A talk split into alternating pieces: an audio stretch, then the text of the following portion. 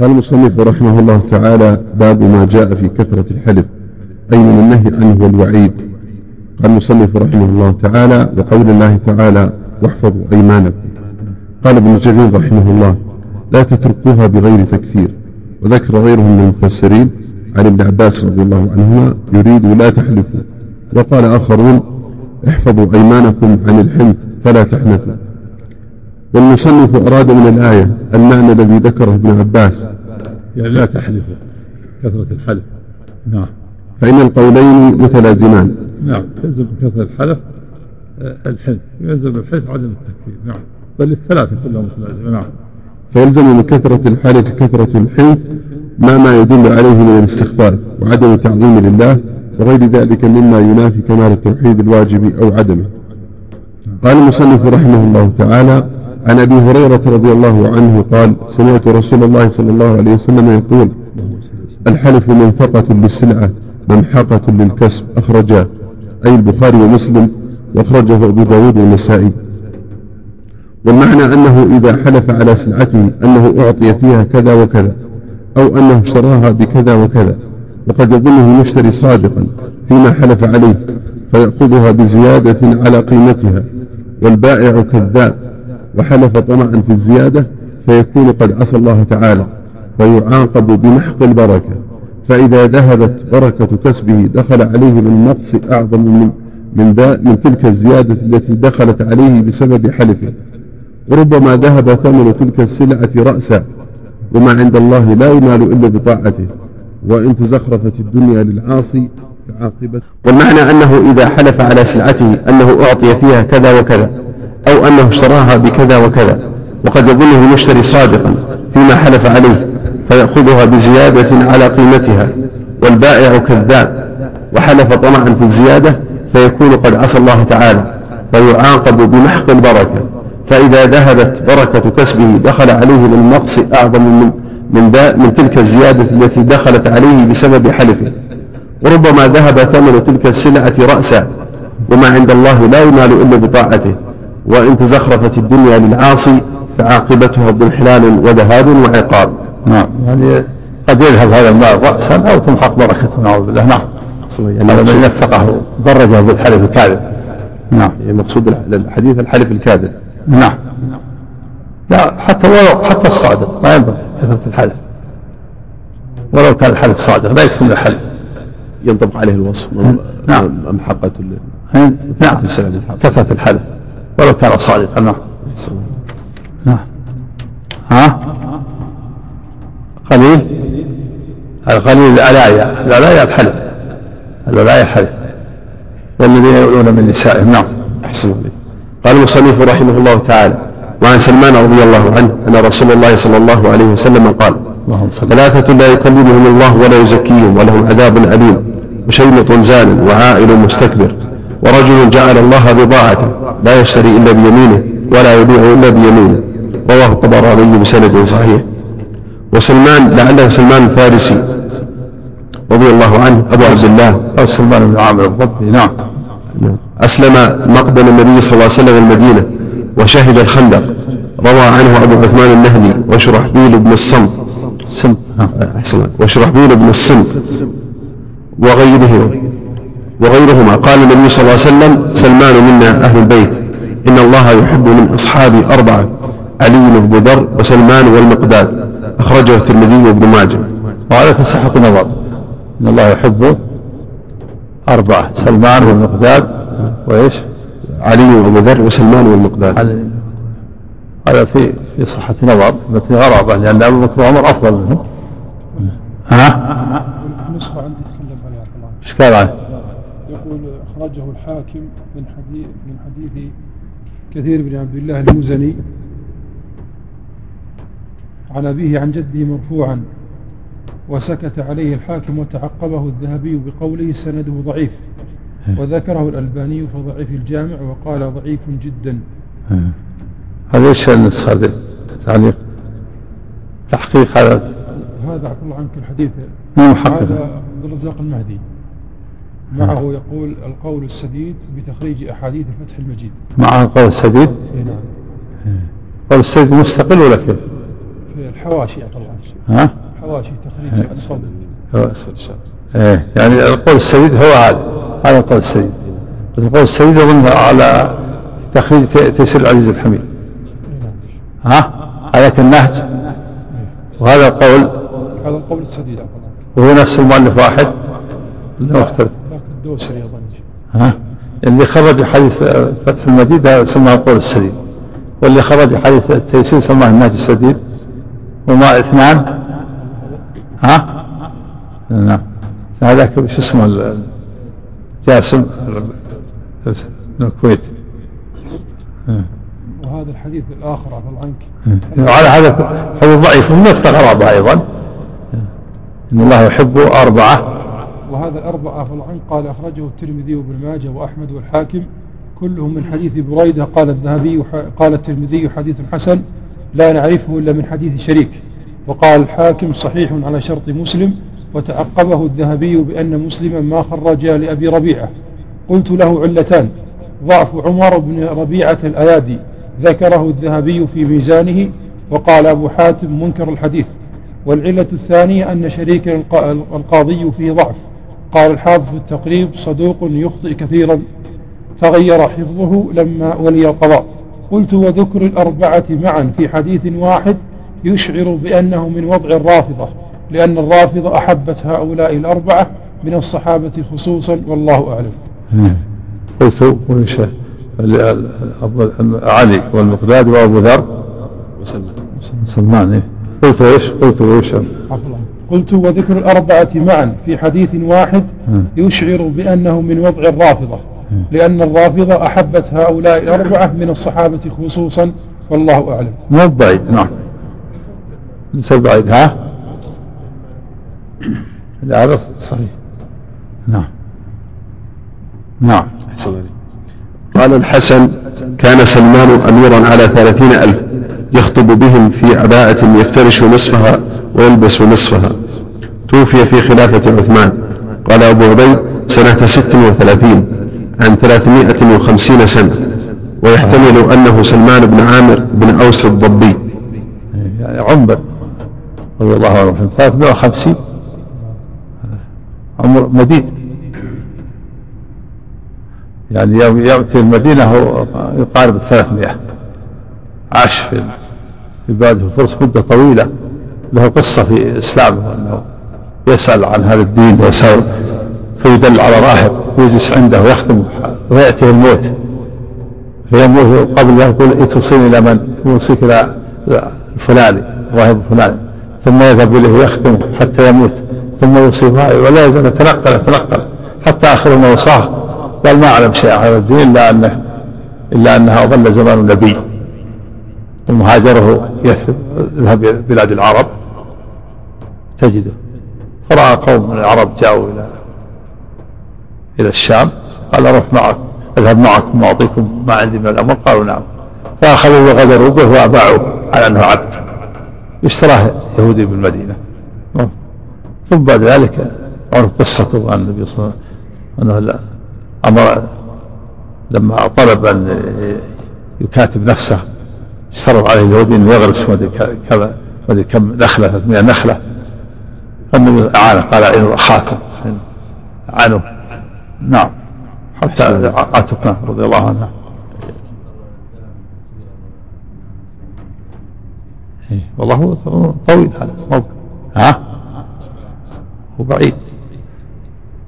سلمان آه، حسان بن ثابت وأبوه وجده كل واحد منهم عاصر 120 هذا يعني قريب أقل لكن 350 الله الله أعلم.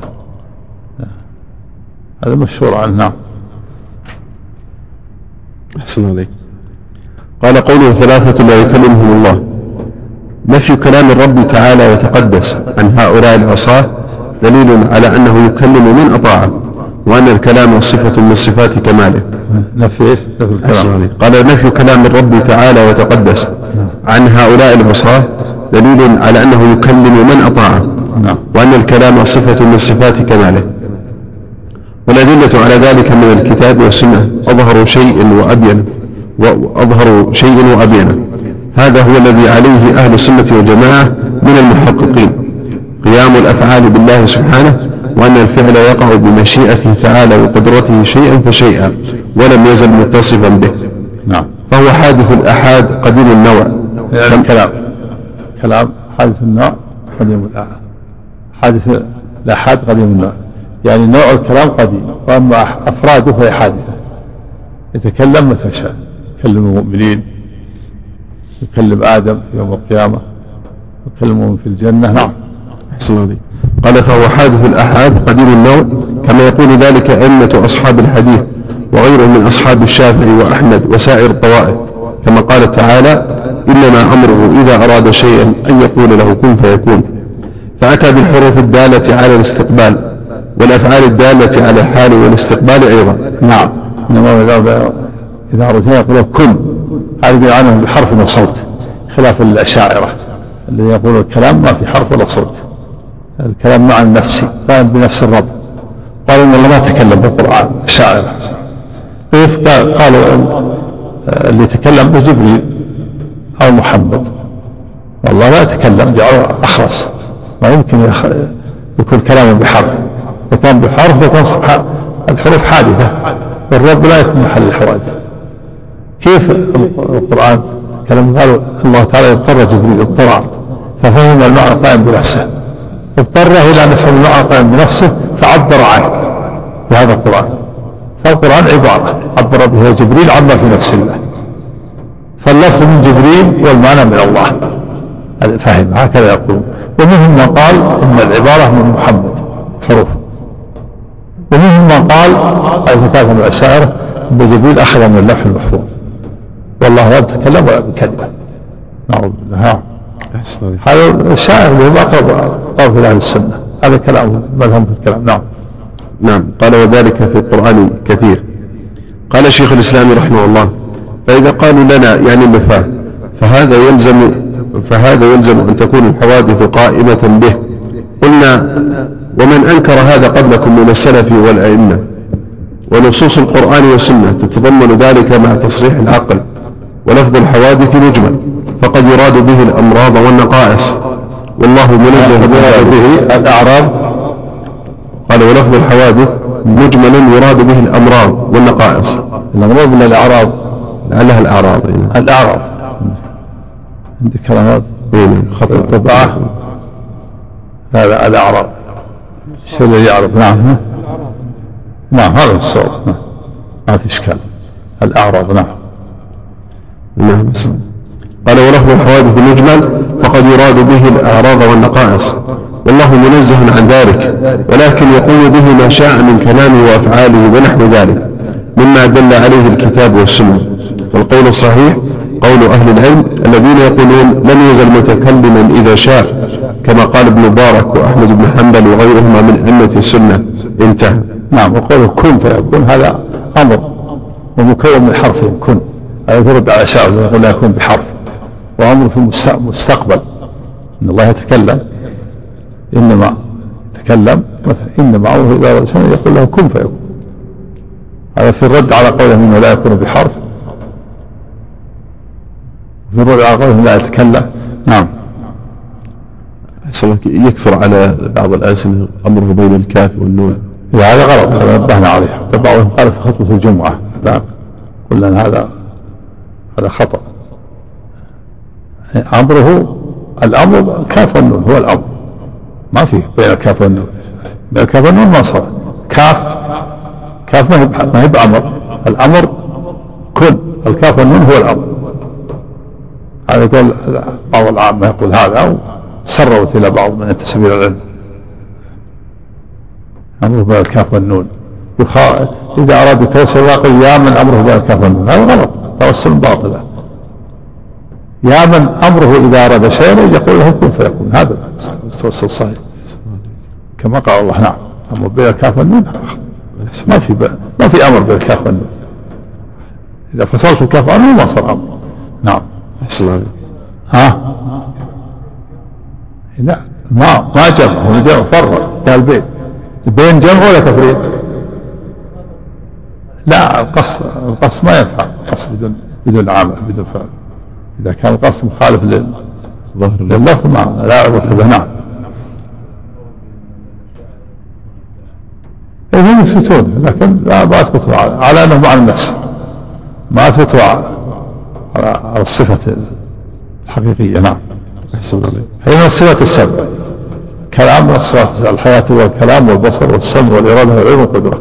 هذه السبع على الأشاعرة منها الكلام؟ لكن الكلام على أنه على أنه مع النفس.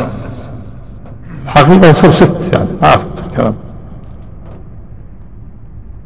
والفرق بينهم وبين المعتزله المعتزله يقولون اللفظ والمعنى مخلوق. والأشاعرة يقولون اللفظ مخلوق والمعنى من الله. نصف مذهب الأشاعرة المعتزلة. نعم. والمعنى من الله واللفظ من الرسول أو من جبريل. نعم. قلت ومعنى قيام الحوادث به تعالى قدرته عليها وإيجاده لها بمشيئته وأمره والله أعلم. قوله ولا يزكيهم ولهم عذاب أليم. لما عظم ذنبهم عظمت عقوبتهم فأوقبوا بهذه الثلاث التي هي أعظم العقوبات. قوله أشيمط زال صغره تحقيرا له. شيمط تصفير أشمط. أصلا نقول أشمط يعني ليشمط في الشيء؟ صار أشيمط تصوير تحقير له. كيف يقع؟ وهو في هذه الحال في هذه السن. نعم. تحقير له يدل على حبه الفواحش. نعم. قال وذلك لأن داعي المعصية ضعف في حقه فدل على أن الحامل له على الزنا محبة المعصية والفجور وعدم خوفه من الله.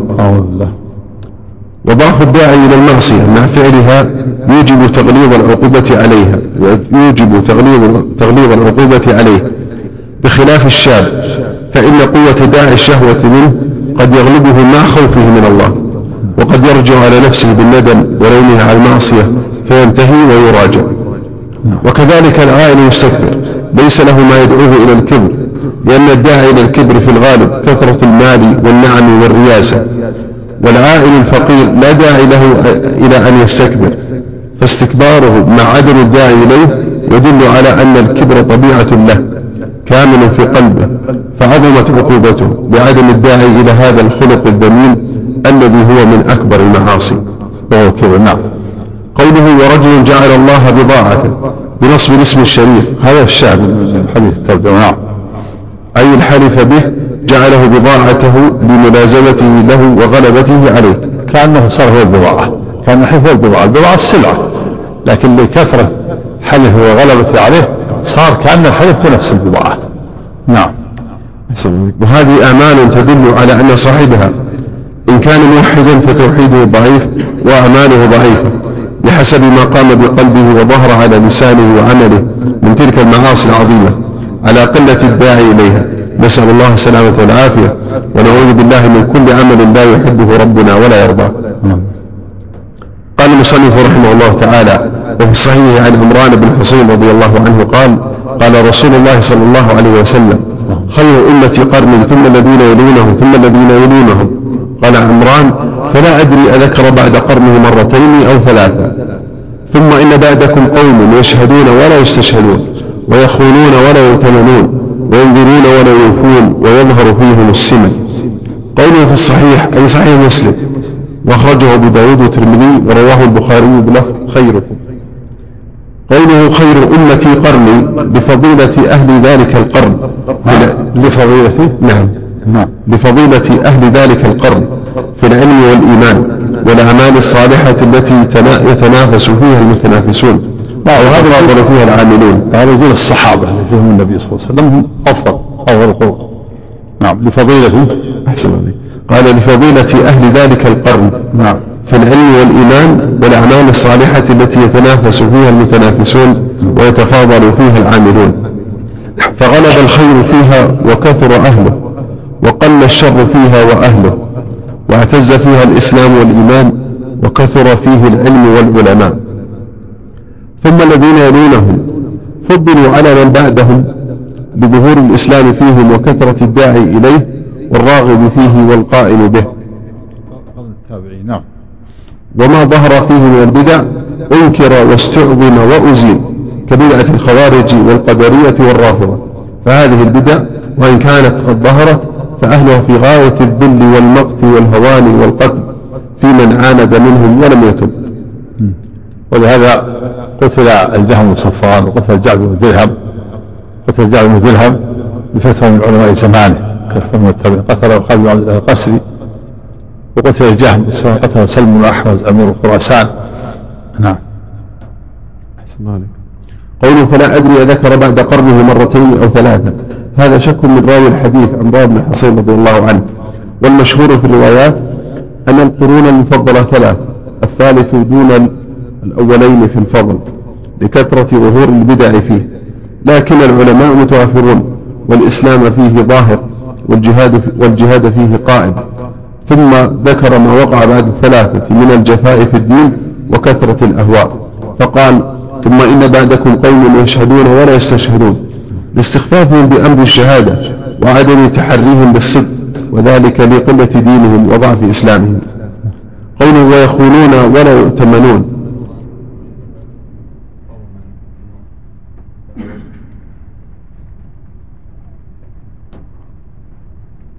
ثم إن بعدكم عندكم بالنص عندكم ها؟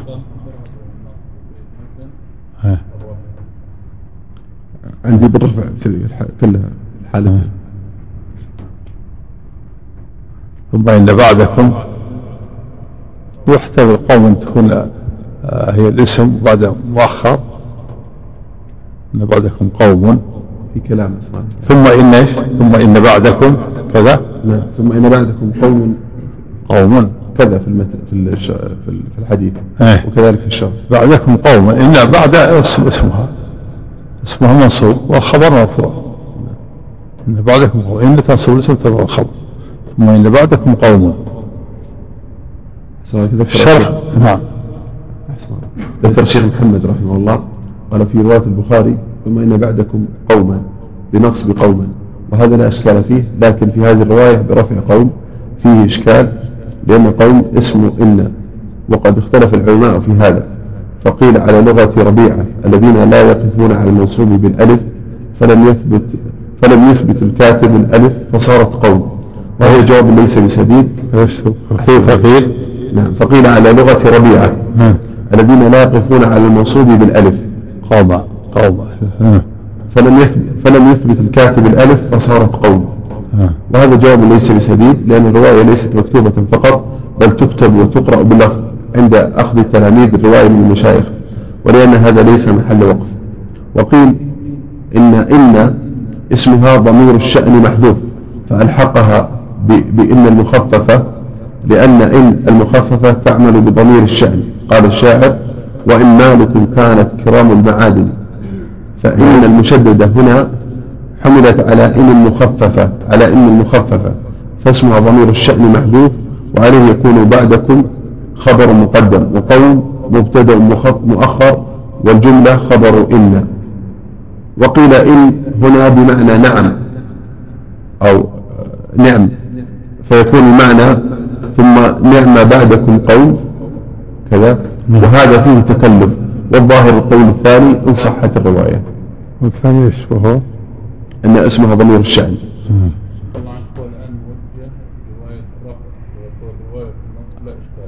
نعم. توجه رواية النص؟ نعم كما في البخاري. رواية البخاري نصب إيش نصب قوم ولا نصب بعده؟ نصب قوما ثم إن بعدكم قوما. هذا في رواية البخاري. لكن هذا توجيه الشيخ للرافع يعني على اعتبار آه، أن قوما اسمها ويصير بعد هو الخبر يعني عشان يمكن بعد على أنه ظرف قبل وبعد. أنه ظرف والظرف خبر مقدم قوما اسمها منصوب مؤخر. تكون بعد ظرف والظرف والجار المجرور يكون هو الخبر. بعد منصوب على الظرفية قبل وبعد. وتكون قوما اسمها في إشكال في النصب والإشكال في الرفع.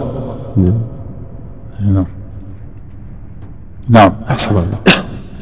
قال قوله ويخونون ولا يؤتمنون يدل على أن الخيانة قد غلبت على كثير منهم أو أكثرهم. قوله وينذرون ولا يوفون وينذرون. نعم ما ينذرون؟ ينذرون نذر ينذرون أما ينذر من أنذر ينذر البس اختلف المعنى. ينذرون وينذرون من باب فرح يفرح ومن باب نصر ينصر. في الوجهان. ينذرون وينذرون ينذرون أو ينذرون الوجهان. من باب فرح نذر ينذر ومن باب نصر. نذر ينذر ينذرون أو ينذرون ضم الذال وكسر وجهان نعم. قال وينظرون أو ينظرون ولا يوفون. أي لا يؤدون ما وجب عليهم. فظهور هذه الأعمال الذميمة يدل على ضعف إسلامهم وعدم إيمانهم. قوله ويظهر فيهم السمن. لرغبتهم في الدنيا وليل شهواتهم والتنعم بها وغفلتهم عن الدار الآخرة والعمل لها. وفي حديث أنس لا يأتي زمان إلا والذي بعده شر منه حتى تلقوا ربكم. قال أنس رضي الله عنه سمعته من نبيكم صلى الله عليه وسلم فما زال الشر يزيد في الأمة حتى ظهر الشرك والبدع في كثير منهم. وهذا يعني في الجملة وهذا في الجملة أنس لا يأتي بعد العام إلا والذي بعده شر منه. وإلا فقد مثلا زمن الإمام أحمد فيه خير كثير وزمن الشيخ الإسلام تيمية وظهور الإسلام أحسن مما قبله. زمن الشيخ محمد بن الوهاب رحمه الله أحسن مما قبله. فالمراد هذا في الجملة يعني. لا تبع عام ولا لا بيسمون منه. أحسن عليك.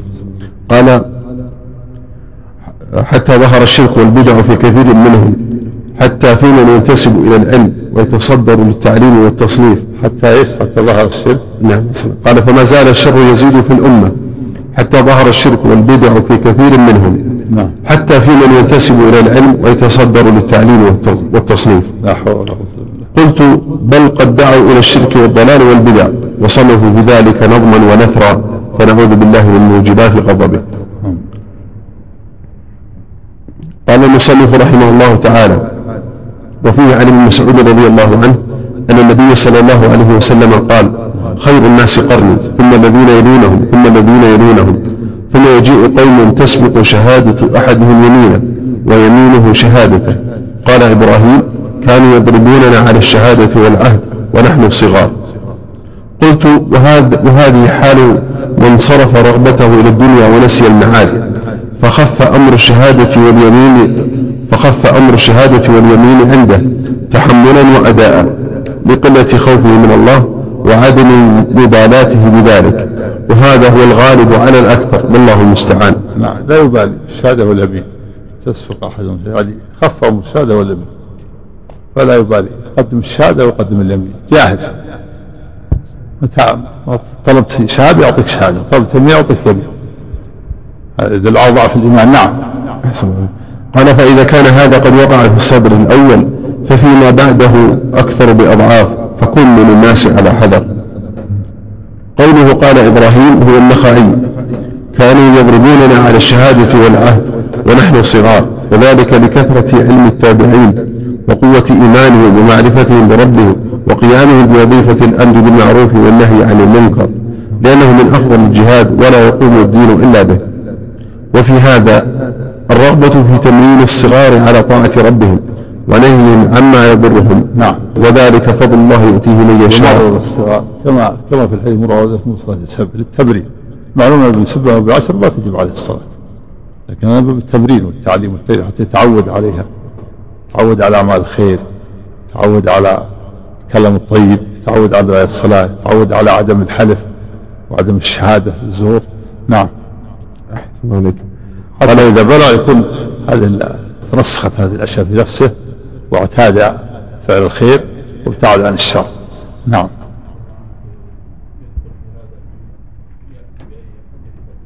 أعوذ بالله. هذا منكر فظيع. صلى الله عليه هذا هذا منكر. هذا إذا كان يوجد هذا ينبغي يبلغ عنهم يبلغ حتى يؤدبون. نعم. هذا يسحقون السجن. ها؟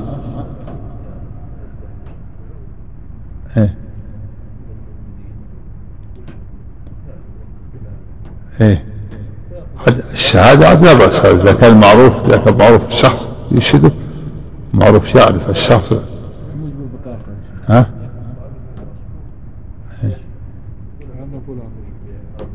على كل حال لابد يعرف إنه هذا هو حقيقة ما يكون في تزويد. نعم. أحسن عليك. قال وفي هذا الرغبة في توليد الصغار على طاعة ربهم ونهيهم عما يضرهم. وذلك فضل الله يؤتيه من يشاء والله ذو الفضل العظيم. قال المصنف رحمه الله فيه مسائل الأولى الوصية بحفظ الأيمان. احفظوا ايمانكم نعم. الثانية الإخبار بأن الحلف منفقة للسلعة ممحقة للبركة. الثالثة الوعيد الشديد في من لا يبيع ولا يشتري إلا بيمينه. الرابعة التنبيه على أن الذنب يعظم مع قلة الداعي. نعم. الخامسة ذم الذين يحلفون ولا يستحلفون. أو يستحلفون نعم لم مع قلة الدائم شيء متزان وعين مستقبل نعم. السادسة ثناؤه صلى الله عليه وسلم على القرون الثلاثة أو الأربعة وذكر ما يحدث بعدهم. السابعة ذم الذين يشهدون ولا يستشهدون. الثامنة كون السلف يضربون الصغار على الشهادة والعهد.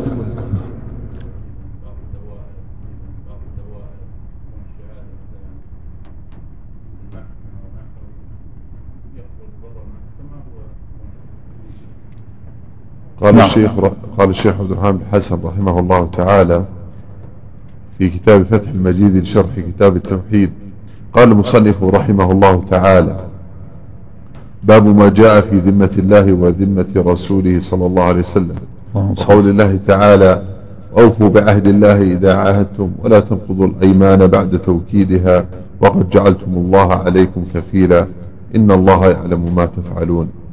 قال العماد بن كثير رحمه الله وهذا مما يأمر الله تعالى به وهو الوفاء بالعهود والمواثيق والمحافظة على الأيمان المؤكدة ولهذا قال ولا تنقضوا الأيمان بعد توكيدها ولا تعارض بين هذا وقوله ولا تجعلوا الله عرضة لأيمانكم وبين قوله ذلك كفارة أيمانكم إذا حلفتم واحفظوا أيمانكم أي لا تتركوها بلا تكفير.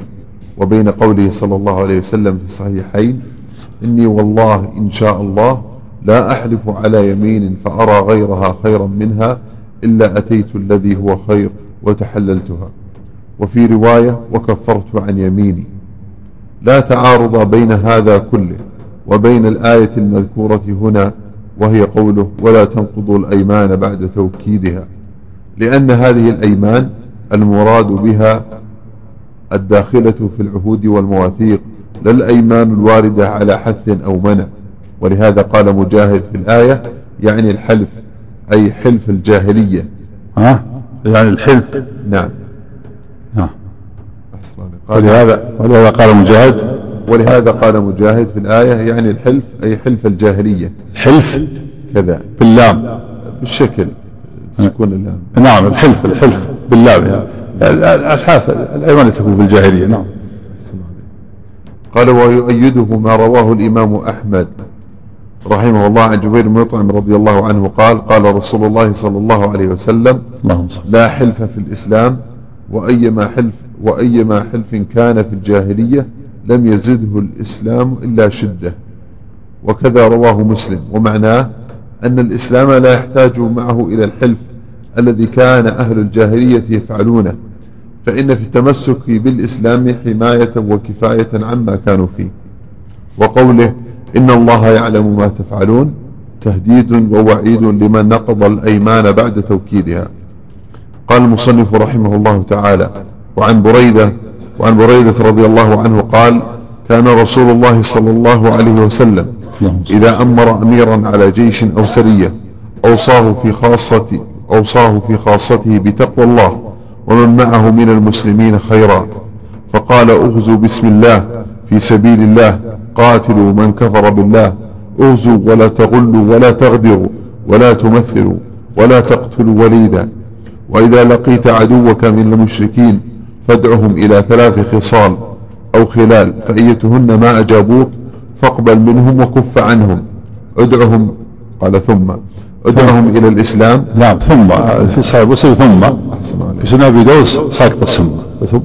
إسقاطها أحسن والصوب نعم. أحسن قال ثم ادعهم إلى الإسلام فإن أجابوك فاقبل منهم ثم ادعهم إلى التحول من دارهم إلى دار المهاجرين وأخبرهم وأخبرهم إنهم إن فعلوا ذلك فلهم ما للمهاجرين. وأخبرهم أنهم نعم. بالكسر.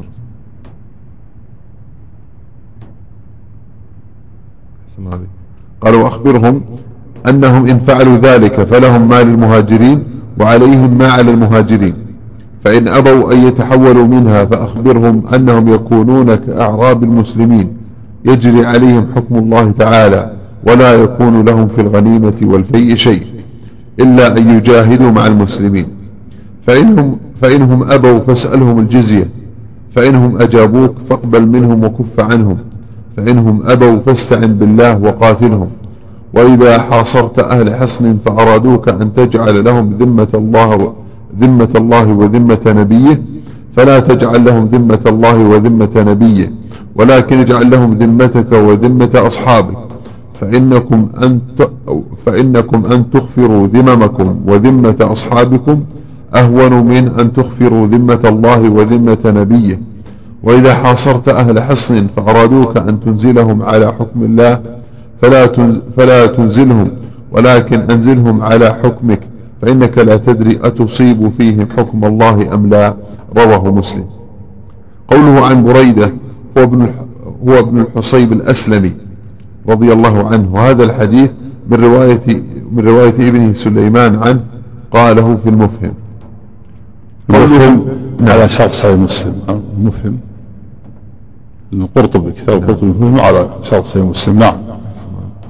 قوله كان رسول الله صلى الله عليه وسلم إذا أمر أميرا على جيش أو سرية أوصاه في خاصته بتقوى الله بتقوى الله تعالى. فيه من الفقه تأمير الأمراء ووصيتهم. قال الحربي السرية الخيل تبلغ أربعمائة ونحوها والجيش ما كان أكثر من ذلك. يعني كان أربعمائة؟ سرية وإذا زاد على أربعمائة سمي جيش وقيل غير ذلك. أحسن قال وتقوى الله التحرز بطاعته من عقوبته. قلت وذلك بالعمل بما أمر الله به نعم. هذا حسن حسن. التحرز التحرز من إيش؟ من عذاب الله وعقوبته. فسر التقوى بالتحرز من عذاب الله وعقوبته. وأصل التقوى توحيد الله. واخلاص الدين له وأداء الواجبات وترك المحرمات. المؤلف عرف بتعريف حسن قال التحرز من عذاب الله وعقوبته. لماذا تتحرز من عذاب الله وعقوبته؟ بأن توحد الله وتخلص له العبادة. قال وعظم التقوى أن تعمل بطاعة الله.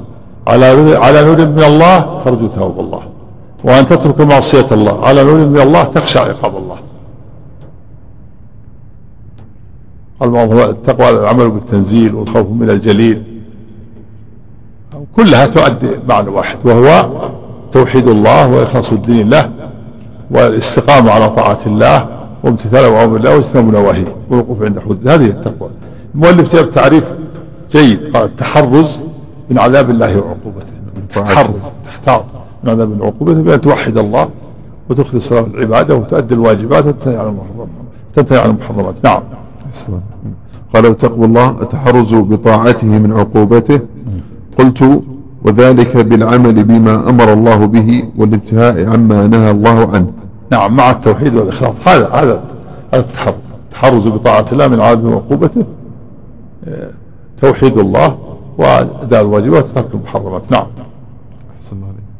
قوله ومن معه من المسلمين خيرا أي وصاه بمن معه منهم أن يفعل معهم خيرا. من الرفق بهم والإحسان إليهم وخفض الجناح لهم وترك التعاظم عليهم.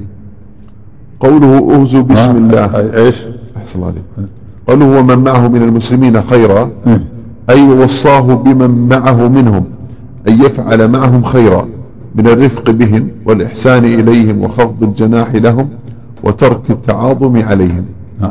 الرفق بهم وخفض الجناح وترك التعاظم عليهم. يعني لا يتعاظم ولا يتكبر عليهم ويرفق بهم ينصح لهم. ما ينصح لنفسه يحيطهم بنصحه ويرد عنهم. ما, ما يضرهم. نعم كل هذا من الصلاة نعم أحسن عليك قوله اغزوا بسم الله أي اشرعوا في فعل الغزو. مستعينين بالله مخلصين له. قلت أي أي أي اشرعوا. نعم قال أي اشرعوا في فعل الغزو. نعم. مستعينين بالله مخلصين له. نعم. قلت فتكون الباء في بسم الله هنا للاستعانة والتوكل على الله. نعم. غزو بسم الله المستعين بالله متوكلين عليه مخلصين له. يقول في سبيل الله في سبيل الله يعني لا كلمة الله لا لغرض آخر لا قتال للدنيا ولا ولا للرياء ولا لأي مقصد آخر بل في سبيل الله لإعلاء كلمة الله نعم. غزو مستعين بالله متوكل عليه لإعلاء كلمة الله. نعم. قوله قاتلوا من كفر بالله. هذا العموم يشمل جميع أهل الكفر المحاربين وغيرهم. وقد خص وقد خصص منهم من له عهد من له عهد والرهبان والنسوان. نعم. هذا لا يقاتلون. اللي بينه وبينه عهد يبقى على عهده والرهبان لا يقاتلون والنسوان والصبيان والشيخ الفاني وغيرهم هذا خصصوا في الأحاديث. نعم.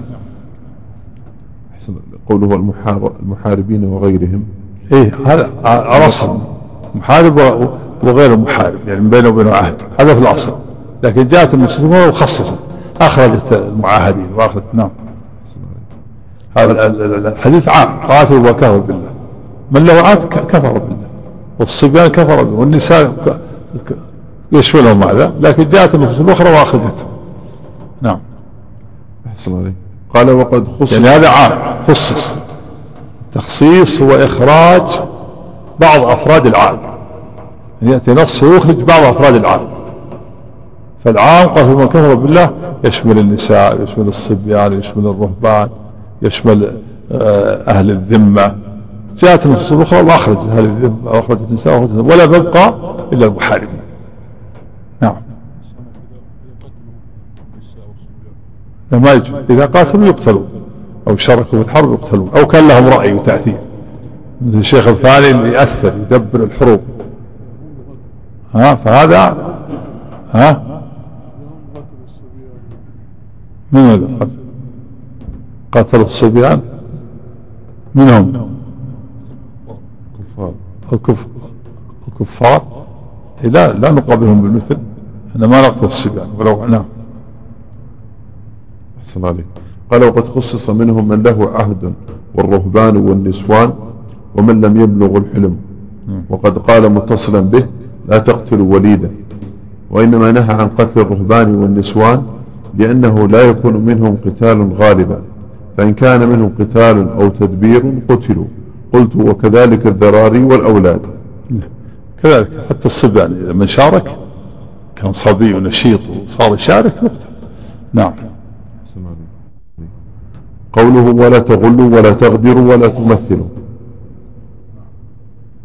الغلول الأخذ من الغنيمة من غير قسمتها والغدر نقض العهد والتمثيل هنا التشويه بالقتيل كقطع أنفه وأذنه والعبث به.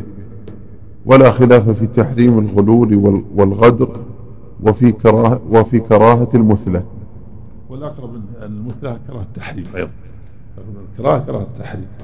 لأن الله أصل التحريم إلا بصالح نعم. يعني إذا قتل الكافر ما يشق بطنه يقطع أنفه وأذنه وأصابعه. هذا التمثيل. فرجه وخصتيه هذا تمثيل الكفار يمثلون المسلمين بعض في في قصة في غزوة أحد هند بنت بقرة بطن حمزة وأخذت شيء من, من آه، كبده ولكته ثم نفضت تشفي. نعم. ولذا قال أبو, قال آه، أبو سفيان لما أنت ستجدون, ستجدون, ستجدون مثلة لم أمر بها ولم تسعني. تجدون مثل بأموتكم ما أمرت به ولكن ما ساعتني. يعني أنا ما, ما قلت لهم مثلوا ما أمرتهم يمثلون ولا وأيضا ما ما أنا مستعمله يعني على الحين هم مثلوا وأنا جايز لي يعني يعني لا بأس. يعني هي الآن رأى أنه لا بأس بها وإن كان ما ما أمر بها. لا أمره ولا ساءت نعم. هذا الدليل على الكفار يمثلون. نعم.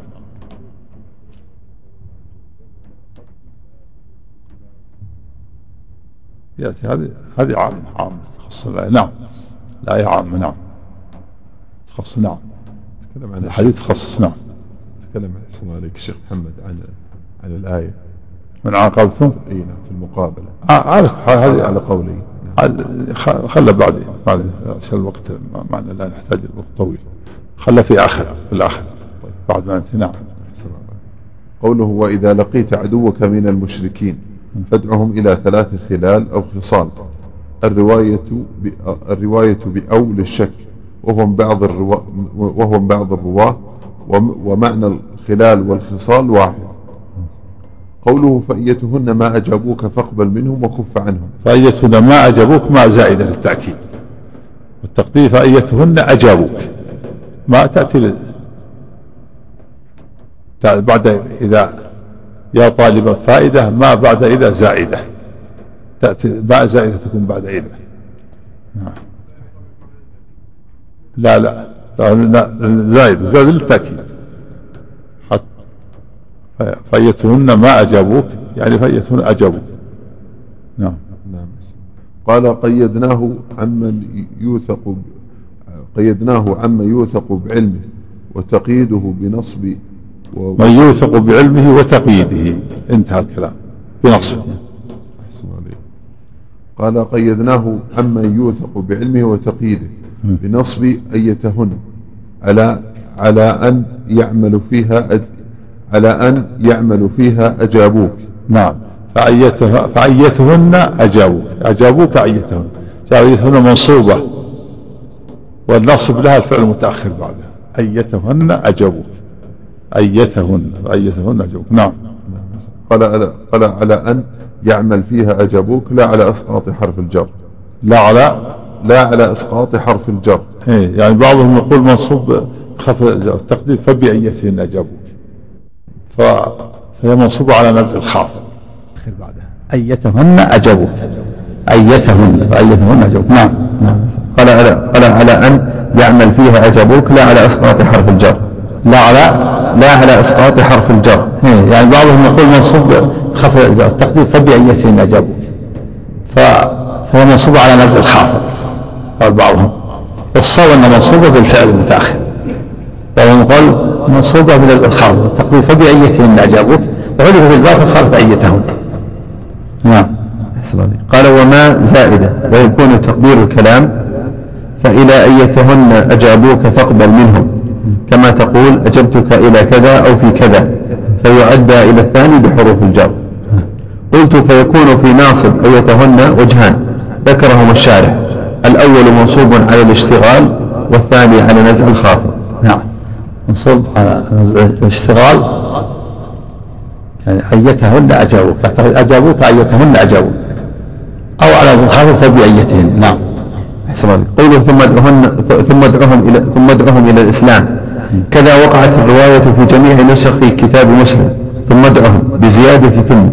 والصواب إسقاطها. كما روي في غير كتاب مسلم كمصنف أبي داود وكتاب الأموال لأبي عبيد لأن ذلك هو ابتداء تفسير الثلاث الخصال قوله ثم ادعهم إلى التحول إلى دار المهاجرين يعني المدينة.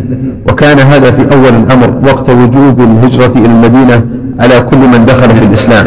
قوله. أحسن عليك. قوله ثم ادعهم إلى التحول إلى دار المهاجرين نعم. يعني المدينة. وكان وكان هذا في أول الأمر وقت وجوب الهجرة إلى المدينة على كل من دخل في الإسلام.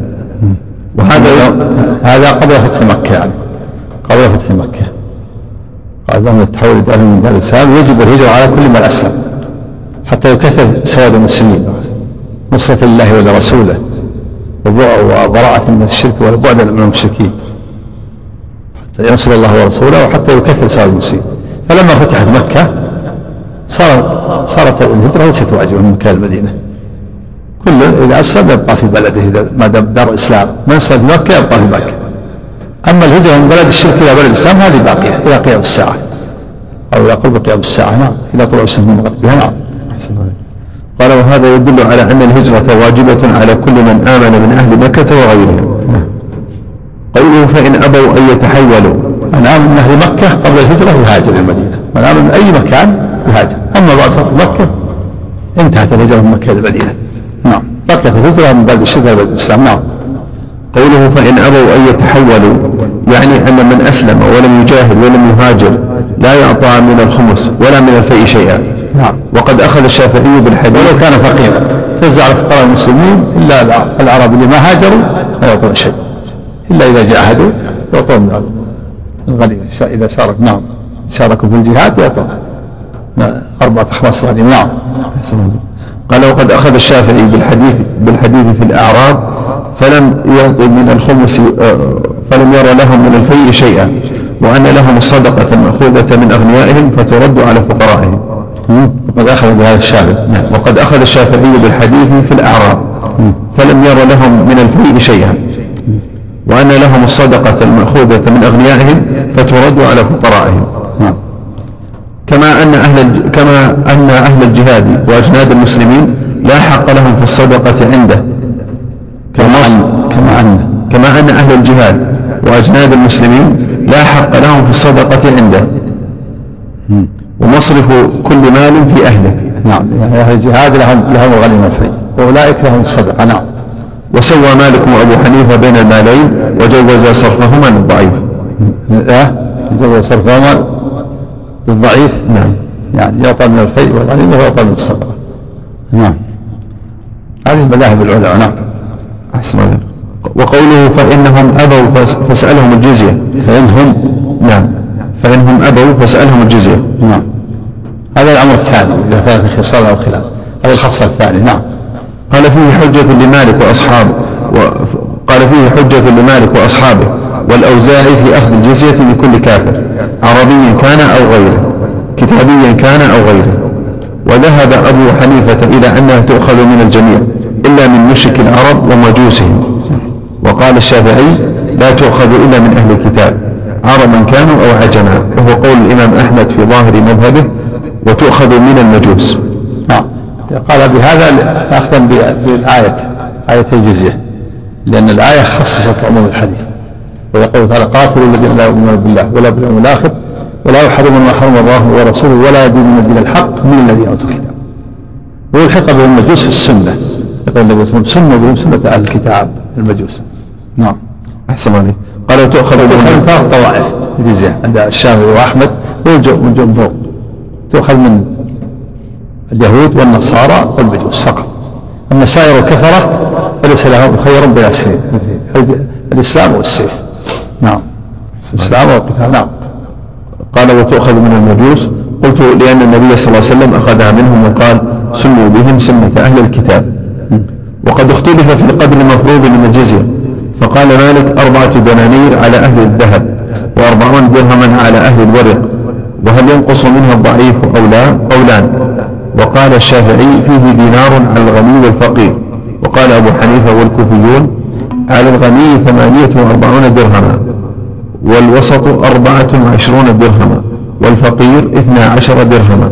وهو قول أحمد بن حنبل قال يحيى بن قال يحيى بن يوسف الصرصري الحنبلي الأقرب أن هذا اختلف باختلاف 40 ما تسوي شيء الآن.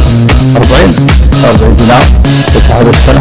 40 أو 40 درهم ما شيء لكن في ذلك الوقت لها قيمة 40 تعادل يمكن 4000 أو تعادل 40000 تعادل يمكن 4000 المقصود الأقرب أنه يختلف باختلاف تقدر تقدر بشيء يكون له تأثير عليه ويكون مثل 40 يدفع 40 ريال ما, ما له قيمة الآن في هذا الزمن مثلا في ولا سيما في بعض الأمثل مجتمعنا لكن تقدر مقدار يؤثر عليهم.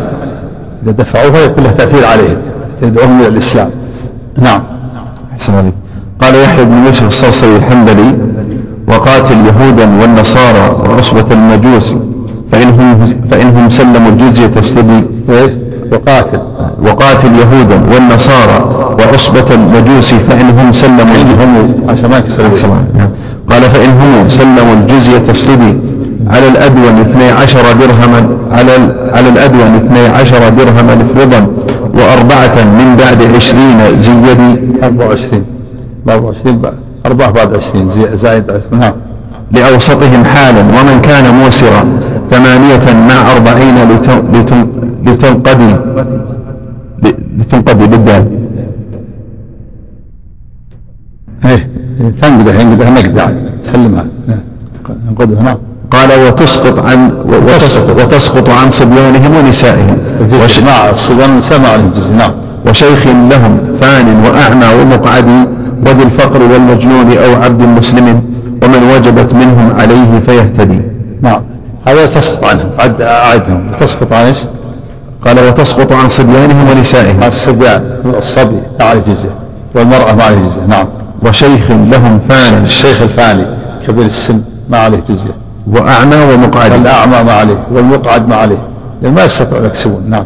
وذي الفقر. والفقير كذلك ما عليه. والمجنون. والمجنون ما عليه. أو عبد المسلم كذلك العبد المسلم منهم.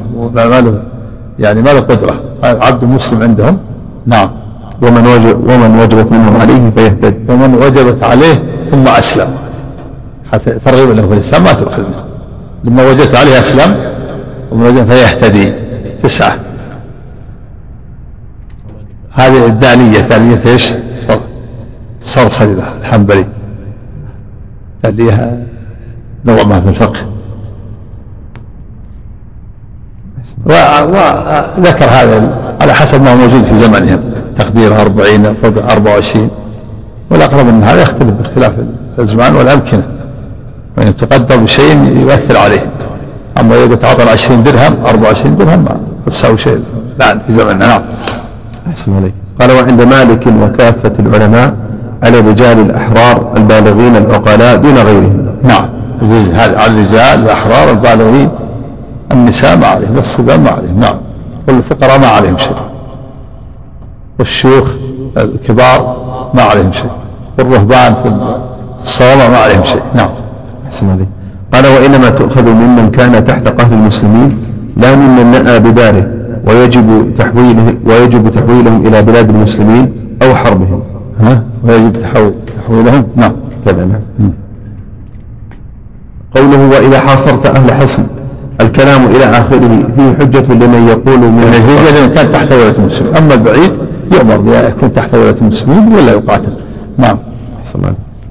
قوله وإذا حصرت أهل حسن الكلام إلى آخره فيه حجة لمن يقول من الفقهاء وأهل الأصول إن المصيبة في مسائل الاجتهاد واحد وهو المعروف من مذهب مالك وغيره ووجه الاستدلال لأنه صلى الله عليه وسلم في خلاف. بعض العلماء يقول كل مصيب مجتهد والقول الثاني المصيب واحد. بعضهم يقول كل مصيب مجتهد. مجتهد لأنه أمر بالاجتهاد.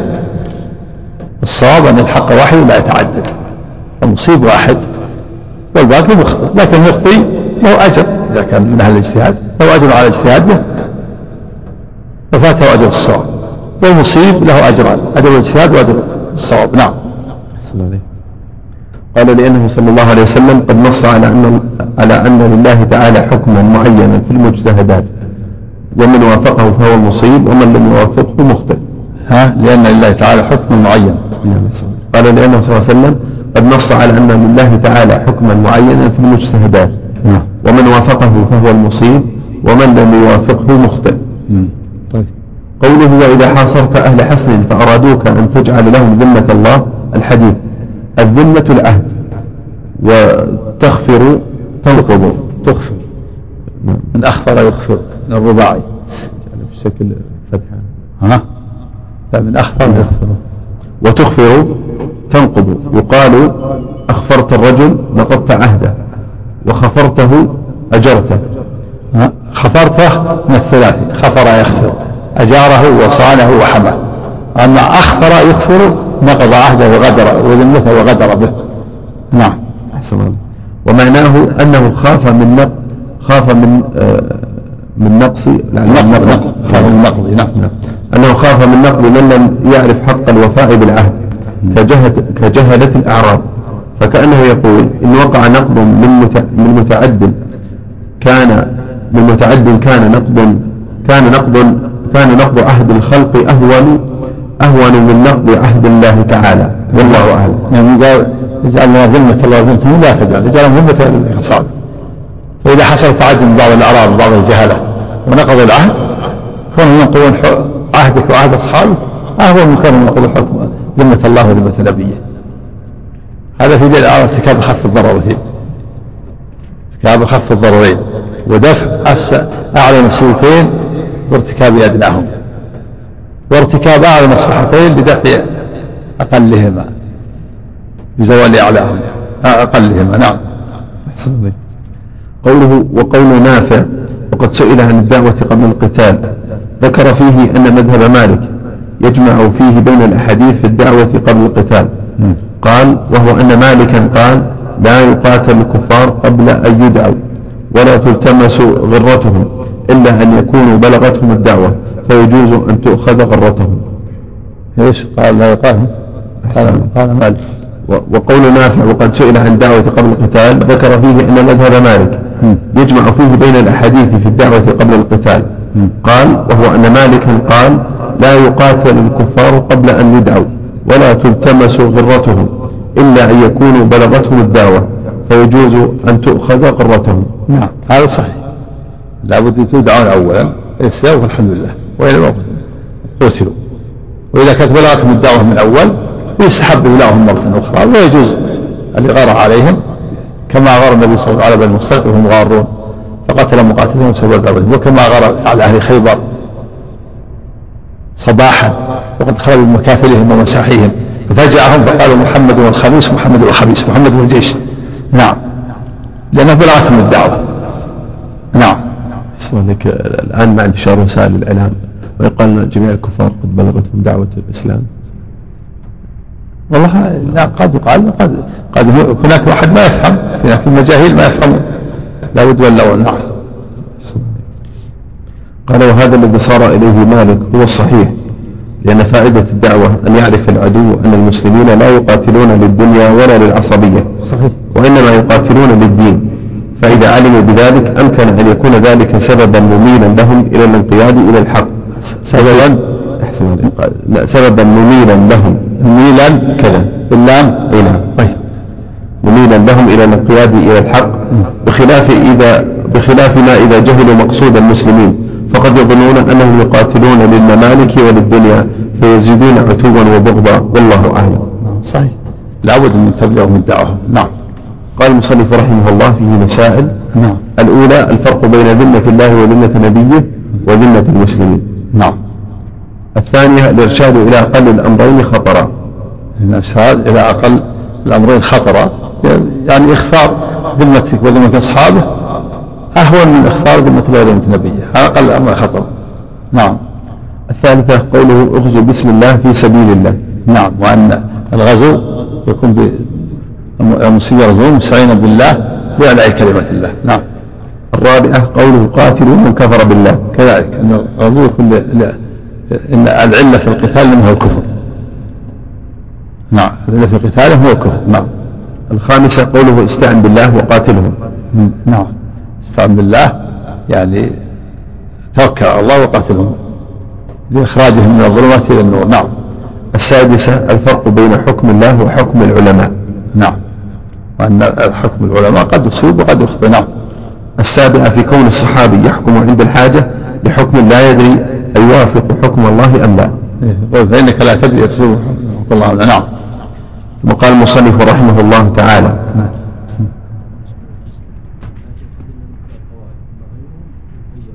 نعم. ما تتخذ هذا الصواب. أما مالك يرى العموم. يرى تؤخذ من جميع الطوائف الإمام هذا في أهل الكتاب. هذا الصواب أن الآية في أهل الكتاب. وقيل أن هذا كان أولا قبل الجهاد. فيها قول جواب عند أهل العلم. نعم. قيل أن هذا قبل الجهاد شرعية الجهاد. وقيل أنه خاص بأهل الكتاب.